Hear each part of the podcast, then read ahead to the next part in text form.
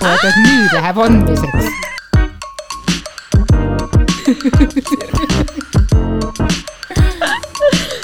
okei okay,, lähme.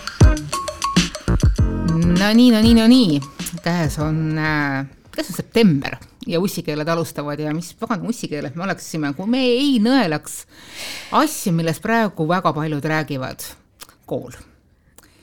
Väga paljud meist on esimese septembri puhul endale koogi küpsetanud puhtalt sellest teadmisest, et nad enam kunagi kooli minema ei pea. Kusjuures mina sõitsin täna siia Tallinnasse stuudiosse. Või toimetuse tähendab? Ja vaatasin neid äh, kooliütse ja mõtlesin, et issand, jumal tänatud, jumal tänatud, et minu jaoks on see periood lõppenud. sest ma ei viitsiks enam, nagu ma ei suudaks enam see on jah, see on täiskasvanu elu ikka võrreldes lapse eluga, vähemalt noh, minu kogemuses on ikka täielik lust ja lillepidu. see oli ikka päris raske, mis seal lapsepõlves toimus no ma loodan, et siia kehtib ütelus, et noh, et, et raske õppustel, kergem lahingus. ja et, et noh, et, et mis see, mis see kräpp veel sinna juurde käis ja mis jäi tapa teid tugevamaks ja.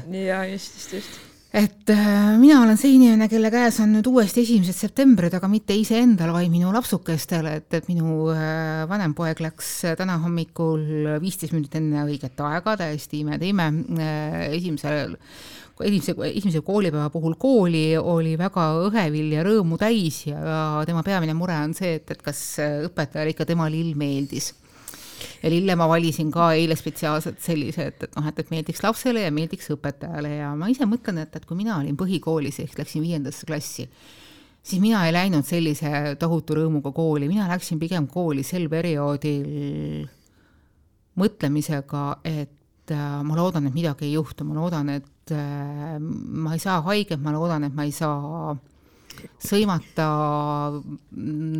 naeruvääristatud, alandatud, äh, see meenutus omaenda lapsepõlve koolikiusamisest on järel nagu mingi Stirlitsi vihma, vabandust, langevari.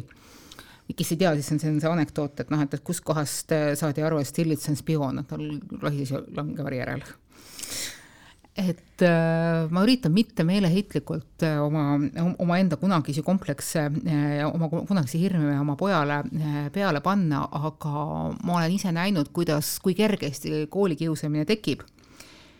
ja kuivõrd sügavad on selle varjud, nii et, et mul on hea meel, et tema läks naeratusega ja mina jäin niisuguse väikse sisemise vabinaga siin talle järgi lehvitama vot siis. jah, minul äh, on olnud neid esimesi septembreid ka väga palju ja ma olen käinud nii paljudes erinevates koolides, et minu põhikooli kogemus oli juba selline, ma käisin kolmes erinevas koolis põhikoolis või põhikooli vältel siis ja mul on kusjuures väga eredalt meeles minu äh, esimene koolipäev Tallinna koolis, sest ma alustasin tegelikult kooliteed Jõgeval väikeses mm -hmm. maakooli või noh, väikelinna koolis ja ma mäletan seda esimest koolipäeva oma Tallinna koolis, et äh, ma mäletan, et me jäime täiega hiljaks, sest mu ema lihtsalt, ta on täielik tuulepea. ma mäletan, et tal oli seljas läbipaistev pluus, kui ta mind viis kooli, tal oli näha kõik rinnahoidjad, kõik asjad, see oli Saarast ostetud ja seal peal, peal olid köögikombainid ja mingi niisugune teema nagu, ma ei tea, miks mul see nii eredalt meeles on. ja me lihtsalt jooksime sinna aulasse ja siis mu läksime, jõudsime mingi selle klassijuhataja juurde ja siis ma mäletan, kuidas mu klassijuhataja vaatas mu ema nagu mingi vau aga ma juba toona mõtlesin, et issand kui lahe, et mul on nagu mingi nii sihuke nooruslik ema, keda ei koti nagu, et ta lähebki läbipaistva pluusiga nagu mhm. esimesel septembril oma last kooli viima nagu suva. et noh, ta, ta on täielik sihuke töö, tööinimene, vaata, et siis ta nagu viskas mind ära ja jookski ruttu tööle, aga noh, jah, minu koolikogemus ähm, oli ähm, enamuses ikkagi ma ütleks positiivne, aga oli ka väga raskeid perioode. et äh, just see, et ma nii-öelda vahetasin äh, kooli pärast teist klassi, et ma kolisin Tallinnasse ja tulin kolmandasse klassi linnakooli, see oli minu jaoks väga-väga raske muutus. ja minu jaoks hakkas koolikiusamine pihta siis, äh, kui ma lõikasin maha oma juuksed, mis on väga-väga veider. see oligi nii, et ma läksin seitsmendasse klassi ja noorena ma ei suutnud nagu leppida sellega, et mul on naturaalselt lokkis juuksed mm -hmm. ja ma kogu aeg sirgendasin mm -hmm. neid kogu aeg ja nad olid nii katki ja ma mõtlesin ükskord, et ma davai, ma lõikan kõik maha, lasen kõik uued kasvada nagu mm -hmm. juuksed. käisin omale poisipead lõikamas ja läksin siis kooli seitsmendasse klassi ja põhimõtteliselt esimesest päevast saadik lihtsalt jõhker kiusamine. issand. sellepärast et ma lõikasin oma juuksed maha, et no muidugi äh, kommentaarid, et ma nüüd välja, näen välja nagu poiss ja mingi mingid äh, tüdrukud minu klassis hakkasid mind liitsiks sõimama, ma ei tea, kust see nagu tuli. et nagu ja see kõik äh, päädiski sellega, et ähm, et mul lihtsalt nagu mentaalne tervis ei pidanud tol hetkel vastu ja ma vahetasin kooli seitsmendas klassis keset esimest veerandit ja läksin ühte erakooli ja ka seal oli alguses raske, aga õnneks äh, kuidagi ajaga asjad laabusid ja kõik said omavahel ikkagi hästi läbi ja mind nii-öelda võeti sinna karja sisse mõnes mõttes, eks ole mm. -hmm. kuna meil oli ka nii väike klass seal, mingi kaheksateist, üheksateist inimest, siis nagu noh, kõik said tegelikult omavahel normaalselt ikkagi läbi nagu mm. -hmm. aga keskkooli kogemus oli minu jaoks jällegi täiesti ideaalne, et äh, pff, ma ei suudaks paremat keskkooli kogemust omale küsida et äh, mul oli niisugune tunne, et ma nagu sattusin lõpuks normaalsete inimeste seltskonda, kui ma mhm. keskkooli jõudsin. et tõesti oli niisugune tunne, et nagu ma oleks juba täiskasvanud inimeste seas, kuigi seal olid noh, me olime ju noored, kuusteist, seitseteist tegelikult mm, -hmm. kui me alustasime mm, -hmm. aga aga kõik olid nii niisugused, austasid teineteist ja üksteist tähendab, jah, kõik austasid üksteist ja kõik oli nagu väga hea oli.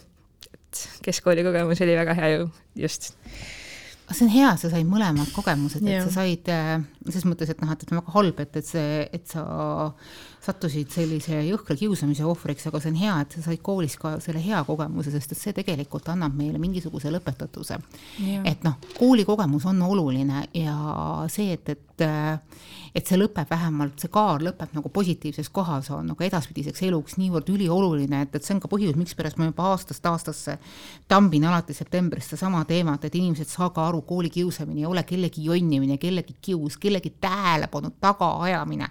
See on oluline asi ja sa pead selle korda saama iga selle väikese lapse jaoks, sest et sellest sõltub selle lapse tulevane elu ma ei tee mitte mingisugust nalja siin või noh, ma ei ja, ja, ja, ja ma ei äh, liialda seda et noh, minu enda koolikius äh, sai alguse kusjuures vastupidi. ma läksin linna eliitkoolis, noh, kui no, kuna toona üldse seal nõukaaja mingisuguseid eliitkoole sai olla, aga Tallinna esimene praegune Kaag oli eliitkool.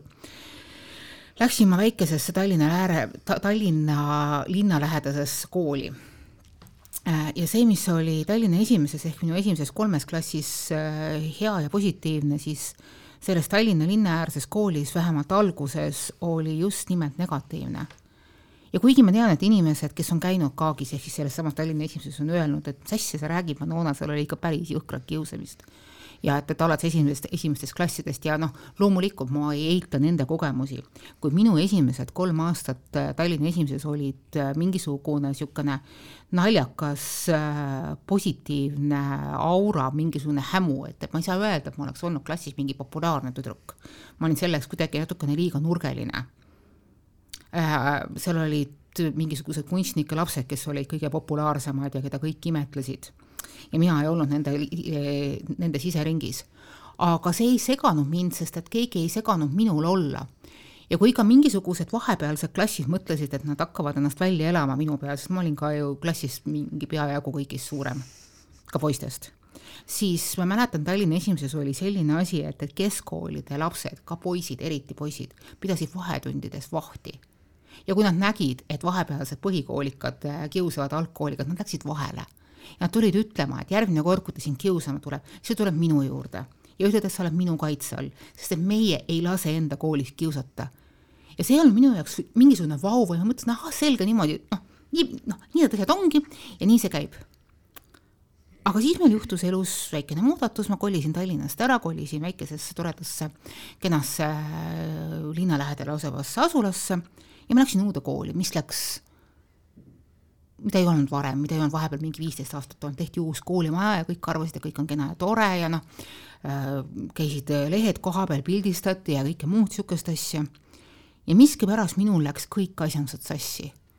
ja järgmised paari-kolme aastat ma mäletan enda jaoks kui lihtsalt ühte pidevat põrgut, kus ma ei teadnud hommikul, kui ma kooli lähen, millega seekord hilisema hakatakse millega seekord tahetakse mulle peksa anda, ma mäletan, et mingisugune hetk tehti minust äh, klassistendi peale pilt, kus kohas mul oli käsi ees ja öeldi, et ära tule kaitse võtta. aga see oli sellepärast, et ma olin kusagilt mingisuguses Soome telekanalis, mis oli toona hästi populaarne, vaadanud, et noh, et, et et poksimises on mingi kaitsevõte, sa paned mingi käe ette niimoodi, et sa blokeerid sellega löögi ära ja ma mõtlesin, järgmine kord, kui nad tulevad mind peksma, siis ma tean, kuidas nagu mitte endale kehasse lööki sisse lasta. ja see muidugi sai korralikult mõnitamist ja ükskõik, mida ma tegin, mida mul oli, kas mul oli mingisugused, kas mul olid riided niipidi või naapidi, nagu ma ütlesin, ma olin teistest no, oluliselt suurem. Ja see oli just see moment, kus hakkasid asjad nagu otsa lõppema. Ja minu üksikemast kasvatajal ehk siis noh, minu kallil emmel ei olnud niivõrd palju erinevaid toredaid võimalusi. et, et see oli nagu niisugune suur niisugune must pilv, milles oli kõige positiivsemad osad olidki see, et, et et ma sain, et ma sain äh, vahetundidel põgeneda äh, raamatukokku ja seal lubati mul olla ja ma sain lugeda ja ma sain kirjutada, mis mulle tohutult meeldisid. ja kuidagi läbi mingisuguse ime oli õpetajate seas piisavalt neid tegelasi, kes ei mõnitanud mind läbi õppeainete. sest ma olin nagu äärmiselt ebasportlik tüdruk, kuigi ma tegelikult oleksin võinud olla sportlik, sest füüsilised eeldused mul nagu ju olid, et ma olin ses mõttes noh, pikk ja suhteliselt tugeva kehaehitusega, et, et oleks kannatanud sporti teha küll. aga nad ei sundinud mind seda tegema ja nad ei mõnitanud, kui see mul välja ei tulnud ja kuhu ma selle jutuga tahan jõuda, et, et et kusagil põhikooli lõpus tundsin ma, et, et mulle aitas. et ükskõik, mis ma teen, et, et noh, et, et ma ei taha enam olla mingisugune kõikide naljade punchline, et noh, et, et jõuame jälle igasuguse mõnitamisega välja Manonani, sest et tema ju võtab kõik vastu. Või siis see, et, et noh, et, et ta annab, ta annab küll korraks vastu, aga siis midagi ei tee, sest ma käisin ju alguses kaebamas, öeldi, et et räägi ära, aga sel hetkel sa ütled esimest korda siis öeldakse, ahah, ütled teist korda, öeldakse, et juba, et mis asja sa, noh, ära kitu nii palju, et noh, et sina ise oled süüdi, sest sa kogu aeg ütled, et sina oled probleem, et noh, kõik lihtsam on öelda, et see laps, kes nagu kitub, see on probleem. ja ma rohkem ei läinudki ja üritasin seda iseenda, iseenda sisse absorbeerida. Ja ma ei rääkinud ka enam kodus, sest et kodus mindi kooli käest küsima. et mis sa arvad, mis siis juhtus? juhtus see, et, et, et õpetajad võtsid kõik minu peale välja ma siiamaani ei suuda laulda, kuigi mul on suhteliselt hea lauluhääl, sest et äh, laulmisõpetaja pani läraki klaverikaane kinni ja ütles, et, et näed, et mis sa raisk tuled siia, kui sa laulda ei oska. ja ära siis äh, mine kaebama kodus. et need on kõik niisugused, niisugused haavad, mis nagu jäävad sulle nagu sisse, kuigi ma olen nendega ära diilinud ja mul ei ole probleemi ei esinemistega, enesekindluse või muu niisuguse asjandusega, aga nad mingisugustel olukordadel vaikselt hüpitavad ennast ja ma olen õppinud nendega hakkama saama. See on ka noh, miks ma seda räägin, ongi see, et, et et need selliseid sammuseid lugusid, kuna ma olen teinud väga-väga palju koolivägivalla teemasid äh, lugusid, et need lood on tegelikult universaalsed, et ei ole ainult jäänud kinni sellesse õudsesse nõuka või üleminekuaega, seda on olnud ka kümmekond aastat tagasi, viis aastat tagasi, kaks aastat tagasi et noh, meie teadlikkus ikkagi sellest, et kui keegi kurdab, et talle tehakse liiga, et äh, esimene probleem on see, et, et äh, vaata, et noh, et kes kurdab. Ja et noh, et kui me saame tema vaigistada, siis äkki kaob probleem ära, probleem ei kao ära ja meil on siis, ja meil on tõsiselt sellega, sellega probleem. aga kust mina sain endale abi, oligi see, et, et noh, kuigi ma olin juba põhikooli lõpuks äh, ennast teinud nii-öelda jääkindluseks, et äh, ma ei lasknud enam ennast mõnitada, ma eraldasin ennast täielikku, ma muutusin nagu ennast nagu siseopositsionääriks, et, et noh, et, et oli klass ja olin mina. Ja mul ei olnud sõpru, noh, paar tükki olid, aga ma ei võtnud nagu klassielust osa. ja mingi hetk mulle tundus, et see tegelikult ei tööta. ja ma otsustasin, et ma hakkan vaikselt ennast äh, tagasi tooma. ja esimese asjana mõtlesin, et, et ma hakkan keerama asju huumoriks, ma õpin ära äh, terava keele, äh, mis alguses mind ennast kaitses, aga siis lõpuks hakkasin asju nagu ise nagu noh, nagu üle mõtestama. ja koos keskkooli tulekuga, kui minu kõige jõhkramad kiusajad koolist ära läksid, avastasin ka mina järsku, et, et äh, see klass on täiesti normaalne.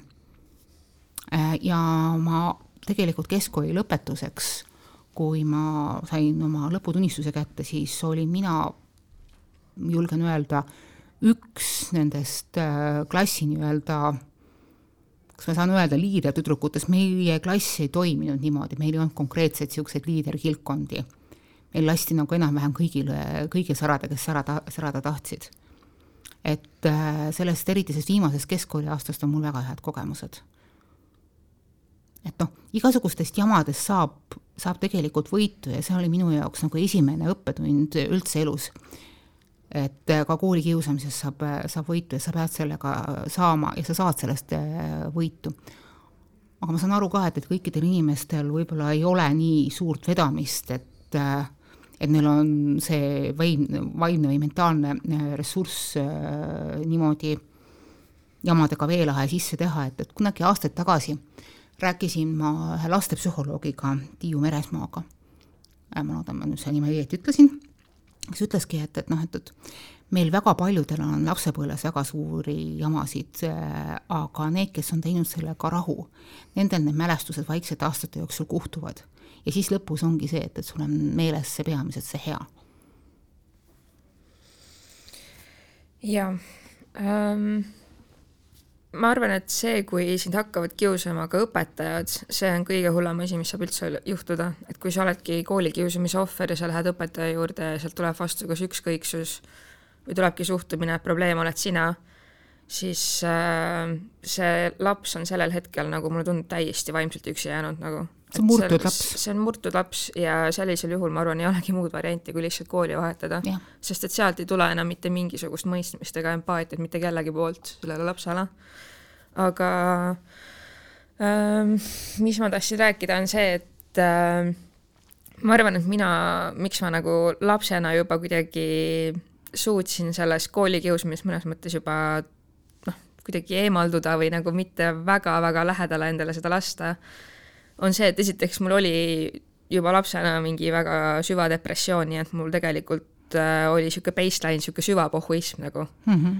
et kui need asjad juhtusid, siis äh, ma arvan, et ma küll võisin emotsionaalselt reageerida, aga mingi hetk äh, lihtsalt see asi jälle nagu jahtus ja mul oli see nagu suhteliselt suva nagu, et ma ei jäänud, mõnes mõttes on see hea, et ma ei jäänud nendest asjadest, eks ole, kinni hoidma, aga ma sain juba ka tegelikult lapsena sellest aru või noh, ütleme siis seal ongi seitsmendas, kaheksandas, üheksandas klassis et äh, need äh, lapsed, minu klassikaaslased, koolikaaslased, kes äh, tundsid vajadust kas mind või teisi kiusata, ma sain juba siis aru, et see tuleneb sellest, et esiteks neil on arvatavasti väga katkised kodud ja perekonnad mm. -hmm ja et see, et nad niimoodi käituvad, tuleneb tegelikult sellest, et nad on ise kohutavalt katki et ma sain juba tegelikult toona põhikoolis sellest aru ja ma arvan, et see on ka põhjus, miks ma nagu äh, noh, tänapäeval või kuidagi hilisemas täiskasvanu elus nagu noh, mul ei ole neid trigger'id enam mm, -hmm. et, mhm. et selle koolikiusamise pärast nii mingisuguseid selliseid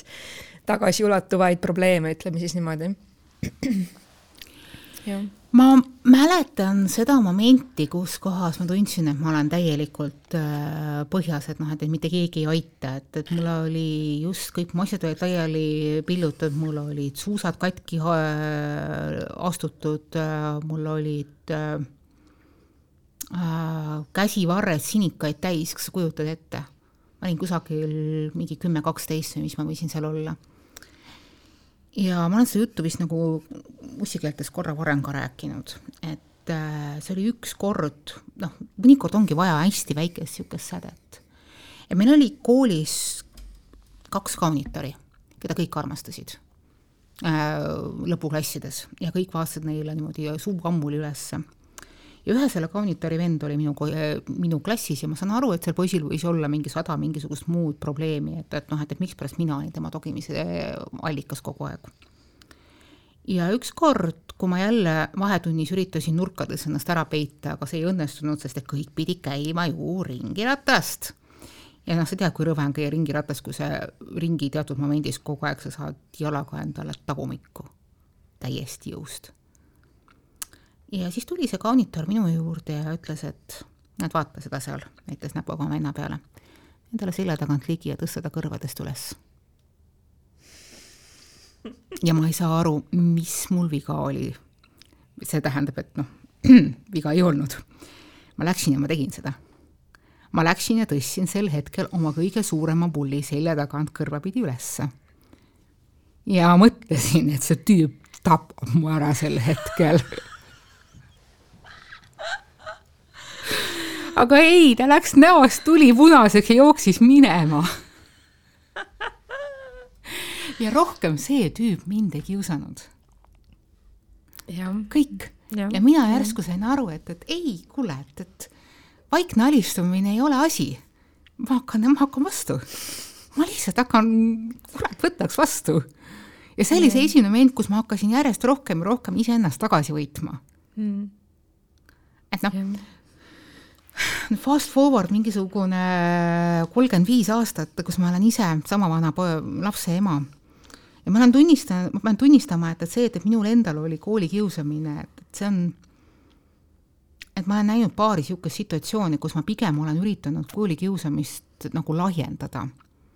see, see kõlab jõle vastikult, aga noh, tegelikult kannatage praegu, seletan selle lahti. et, et noh et pigem ma esitan endale küsimusi kogu aeg, et kas see situatsioon, mida mu laps mulle räägib, et kas see on päriselt samasugune see, mis minuga koolis on juhtunud, et ma nagu et ma nagu ei näe, tõmbaks siin äh, sarnasusi olukordades, mis on võib-olla ainult pealispinnalt natukene sarnased, aga tegelikult sisemuses mitte. ja see on pannud mind koolikiusamist hästi palju ja ka neid pagana oma situatsioone, mis nagu näevad selle moodi välja, et võiksid olla kiusamised, aga võivad olla ka suhteliselt äh, normaalselt laste elus esile tulevad konfrontatsioonid. et see on pannud mind neid noh, oma lapsega nagu läbi rääkima. ja see on asi, mille, mille eest tegelikult ma olen oma, oma psühholoogilist sõbranna käest päris palju kiita saanud. et äh, me räägime olukorrad läbi. et sulle täna ütles äh, klassikaaslane niimoodi ja sulle mõjus see solvavalt. aga räägi mulle, miks see sulle solvavalt mõjus, mis sellele eelnes, aga mis pärast juhtus kas te pärast mängisite ilusasti rahulikult edasi, aga sel hetkel, kui ta ütles sulle, miks sa solvusid, kas sa solvusid sellepärast, et, et sa oled väsinud või et, et, et oli enne seda kuidagi jätnud äh, sind mingisugusest tegevusest välja, mis siis hiljem sai, kuidas, kuidas ülejäänud inimesed reageerisid, mis selle ütleja enda päevas olid, olid juhtunud, need kõik annavad mingisuguse oma pildi ja see nagu annab seletada, mikspärast inimesed käituvad mõnikord nii, nagu nad käituvad see nagu aitab igasuguseid situatsioone nagu mõista ja aru saada, et, et noh, et, et millal on vaja reageerida ja millal on vaja tegelikult mõista. sest noh, meil kõigil tekivad äh, paremad ja halvemad hetked, kui me võime öelda midagi sellist, mida me tegelikult võib-olla paar tundi hiljem ütlesime, et see on teil läinud hästi. ja noh, ja kui oluline on tegelikult siiralt vabandust paluda, kui sa tegelikult kellelegi oled haiget teinud. ja see on nagu mind ennast pannud nagu veel tagant kolmandat korda oma, oma, omaenda kogemusi üle hindama ja rahustama ennast, et et see, et see, mida ma kogesin, oli okei okay, ja see, kuidas ma sellest välja tulin, oli okei okay. ja tegelikult, kui me räägime ja kui me parandame iseennast, kui me tegeleme iseendaga, see, see, see on seesama asi, mida, mida, mida sina, Keit, kogu aeg räägid, et siis me tegelikult äh, areneme ja muutume paremateks jaa, absoluutselt, muidugi teha selgeks seda põhikooli lapsele on, ma arvan, väga raske, kelle on, on.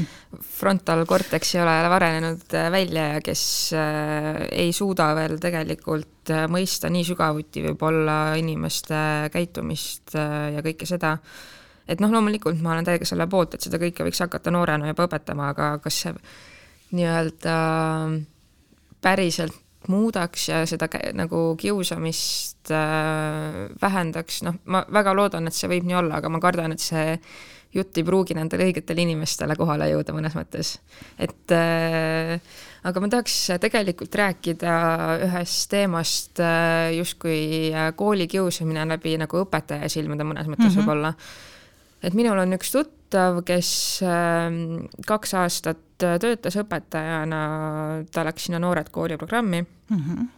ja äh, jah, kaks aastat ta kannataski seda ära ja nüüd ta tuli sealt koolist ära ja noh, selles suhtes, et äh, ta nagu rääkis mulle natukene sellest, et mis seal klassis ja koolis ja tema õpilastega toimus, et ta õpetas viiendat-kuuendat klassi, mis on kõige jõhkram niisugune süva teenager äh, rage äh, iga minu arust et, et ta tõsiselt ütles, et tema klassis oli äh, õpilasi, keda ta ise reaalselt kartis.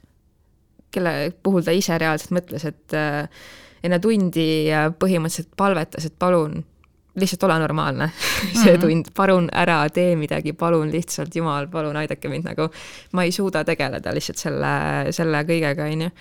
ja noh, tal on olnud, oli ka vist mingeid olukordi ühesõnaga, kus tunni ajal isegi tekkisid mingisugused tülid või situatsioonid ja ta ütles, et äh, tema tol hetkel ei saanudki mentaalselt hakkama nende asjadega, et tema ise läks ka lukku sel hetkel, tema ise ka ähm, et tema siis äh, jooksis ise ka mentaalselt lukku ega saanud tol hetkel tegelikult selle situatsiooniga ise vaimselt hakkama kuna tal oli endal ka tol hetkel tegelikult natukene probleeme ja ta oli natuke ebastabiilne, et siis ongi see, et nagu temal ei olnud ka tol hetkel seda jõudu, et minna vahele, et minna kaitsma, et seda olukorda lahendada, vaid tema oli ka selles olukorras tegelikult kaaskannataja mm. -hmm. et äh, selles suhtes äh, see on noh, muidugi väga halb, kui õpetaja ei suuda ikkagi äh, pakkuda õpilastele sellist keskkonda enda klassiruumis, et kõigil on äh, mugav ja turvaline õppida, aga samas äh, täiesti arusaadav, et kõik on inimesed ja mm -hmm. selles suhtes, et ka õpetaja ei pruugi olla kogu aeg äh, vaimselt sellises vormis, et äh, iga situatsiooniga hakkama saada ja tegelikult ka õpetajaid äh, vaimselt vägagi mõjutavad need äh, olukorrad ja tülid ja äh, ja mis iganes asjad äh, vägagi palju. no see, kui, kui suure jõhkra surve all on tänapäeva õpetajad, on noh, sellest on ju meedias päris palju räägitud, et et tänapäeval on ju tänu sotsiaalvõrgustikel igasugustel segastel äh, lapsevanematel otselink õpetajatega, kus võib tulla tuld ja tõrva ja siis veel mingisuguseid asju, kusjuures see võib ka mõnikord vastupidi olla.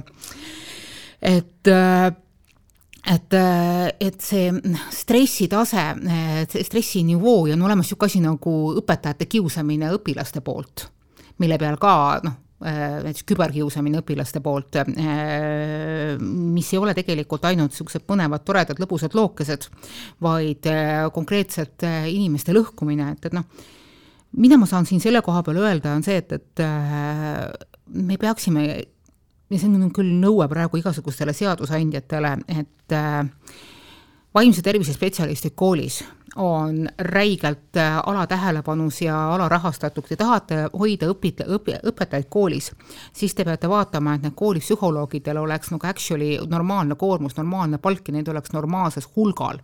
ja need koolipsühholoogid ei tegeleks ainult sellega, et, et noh, et, et millised, milliseid lapsi koolis minema praakida, sest teie arvates ei saa nad hakkama ja noh, see tehnika, et, et noh, et, et ma jätan oma isikliku elu koju ja, ja olen tööl ainult oma päris noh, nagu selle tööminaga, et noh, see on see, mida peaks nagu tegelikult õpetama ülikooli esimestel kursustel kõikidel elualadel, et noh, meie sinuga oleme ajakirjanikud, meie oleme saanud seda söögi alla ja söögi peale, sest ajakirjanikele õpetatakse seda suhteliselt esimese asjana. oo oh, jaa. et noh, muidu, muidu näiteks ei saaks üldse elada, noh, et noh, see ja, ja, ja noh ja see eelmine mõte, mis nagu minu jutus oli, sa ütlesid, et noh, et kas ma, kas ma räägin piisavalt lihtsalt oma last, lapsele mm, -hmm. ma üritan seda mm -hmm. teha, sest et noh, mhm. ma pean kuidagi tema jaoks ja. seda asjandust mõtestama, sest et noh, ma just eile rääkisin oma abikaasaga, et, et noh, üks oluline asi, mis on minu ja tema kooli ajast, noh, me oleme suhteliselt sama ajastu in-, inimesed, noh, mina seitsekümmend viis, tema seitsekümmend seitse sündinud, ja praeguste koolis olijatega on see, et, et meie ei tundnud nii tugevasti, et meil oleks vanemad selja taga olnud, vanemad olid kusagil ja. koos kooliga nagu meie vastasseis mm. -hmm. ja me olime nagu üksinda koolis, aga tänapäeval on lapsed, on koos vanematega ühe poole peal, vanemad on oma laste selja taga, et lapsed on märksa paremini mingisuguse avaliku arvamuse poolt selles osas toestatud, et äh, vanemad on oma laste eest väljas Nad ei ole lapsi jäänud üksi, et ah küll kool ja süsteem kuidagi koolitavad. ei, igaüks hoolitseb ise oma laste eest ka. et see on nagu hästi oluline niisugune, niisugune paradigma muutus, mis on toimunud. ma palun vabandust lollaka sõna eest, paradigma ja diskursus ja kõik muu niisugune asjandus kuulub veel sinna, et, et saadame nad tagasi Tartu Ülikooli teisele kursusele ja ei, seda küll, et äh, et lapsevanemad tunduvad äh, tänapäeval olema palju rohkem nagu ähm, seotud oma lapse nii-öelda koolitee ja nagu selle kõigega, aga samas jällegi õpetaja perspektiivis see on tohutult koormav, et äh, sageli nagu või noh, mis mu tuttav mulle rääkis, ongi see, et õpetaja jaoks on see nagu lapsevanema, lapsevanemaga tegelemine isegi nagu veel suurem koormus kui mõni muu teine ülesanne, mis neil on, on ju et äh, seletada igale vihasele lapsevanemale, et miks ikka see hinne ja miks äh, niimoodi ja et see on ikka nagu tohutult koormav, et selles mõttes äh, täiega nagu loodan, et asjad liiguvad jah sinnapoole, et lapsevanemad saavad aru, et, et nende lapse nii-öelda edukus ja see, kuidas nad õpivad ja see, millised nad inimesed mm -hmm. nad mhm. on, see on tegelikult nende enda nagu kasvatuse probleem ja kasvatuse asi ja kõik algab kodust, et selles suhtes, et äh, minna süüdistama õpetajat äh, oma lapse mitte väga edukas äh, õppetöös või noh, mis, mis iganes mingites teistes probleemides on ka nagu täiesti äh, crossing the line, ütleme nii, siis üle piiri astumine nagu mm. -hmm ja teine asi on see, et, et noh, mida mina olen näinud õpetajate seas äh, ja ma ei räägi siin ühestki konkreetsest juhtumist, on, on see, et, et, et et see vaimne läbipõlemine on väga sageli muutnud nad äh, väga tundlikuks mis tahes kontakteerumise suhtes, et ma olen näinud hästi palju niisuguseid äh, piiri peal suhtumisi, kui juba lapsevanema pöördumine on õpetaja jaoks äh, punane lipp, et noh, et, et miks ta minu käest küsis, aga ta võis lihtsalt mingisugust asja küsida, sest minu meelest kõige parem, parem tulemus tuleb siis, kui kool ja kodu töötavad koos ja et, et noh, et, et selle suhte loomiseks peavad töötama mõlemad osapooled. ja tihedalt töötama, sellepärast et noh, nagu ütleb ka juba üks näpakas vanasõna, siis lapse kasvatab kogu küla. et me kasvatame oma lapsed ühiskondlikeks äh, tegelasteks ja kooli ajal ongi see moment, kus ühiskond hakkab järjest rohkem nagu lapse arengus nagu kaasa rääkima ja seda tuleb osata noh, nagu doseerida niimoodi, et, et sa nagu aitad oma last, aga samas jätad talle nagu piisavalt palju eh, iseseisvumiseks ja sa tekitad temas vastutuse ja põhjus-tagajärg suhte adumise. aga see eeldab ka jah, õpetajalt äh, tugevamat äh, tegevust, kas või selles osas, et, et, et iseennast kaitsta selle eest, et noh, et, et klassis on igal juhul äh, konfrontatsioonid palju tekkima, sest et noh, lapsed kui sellised ongi väga konfliktialdid, sellepärast see on ka, mida mulle kunagi üks lastepsühholoog rääkis, on see, et, et miks lastega just selles kõige suuremas mustas murdeeas juhtub kõige rohkem igasuguseid jamasid.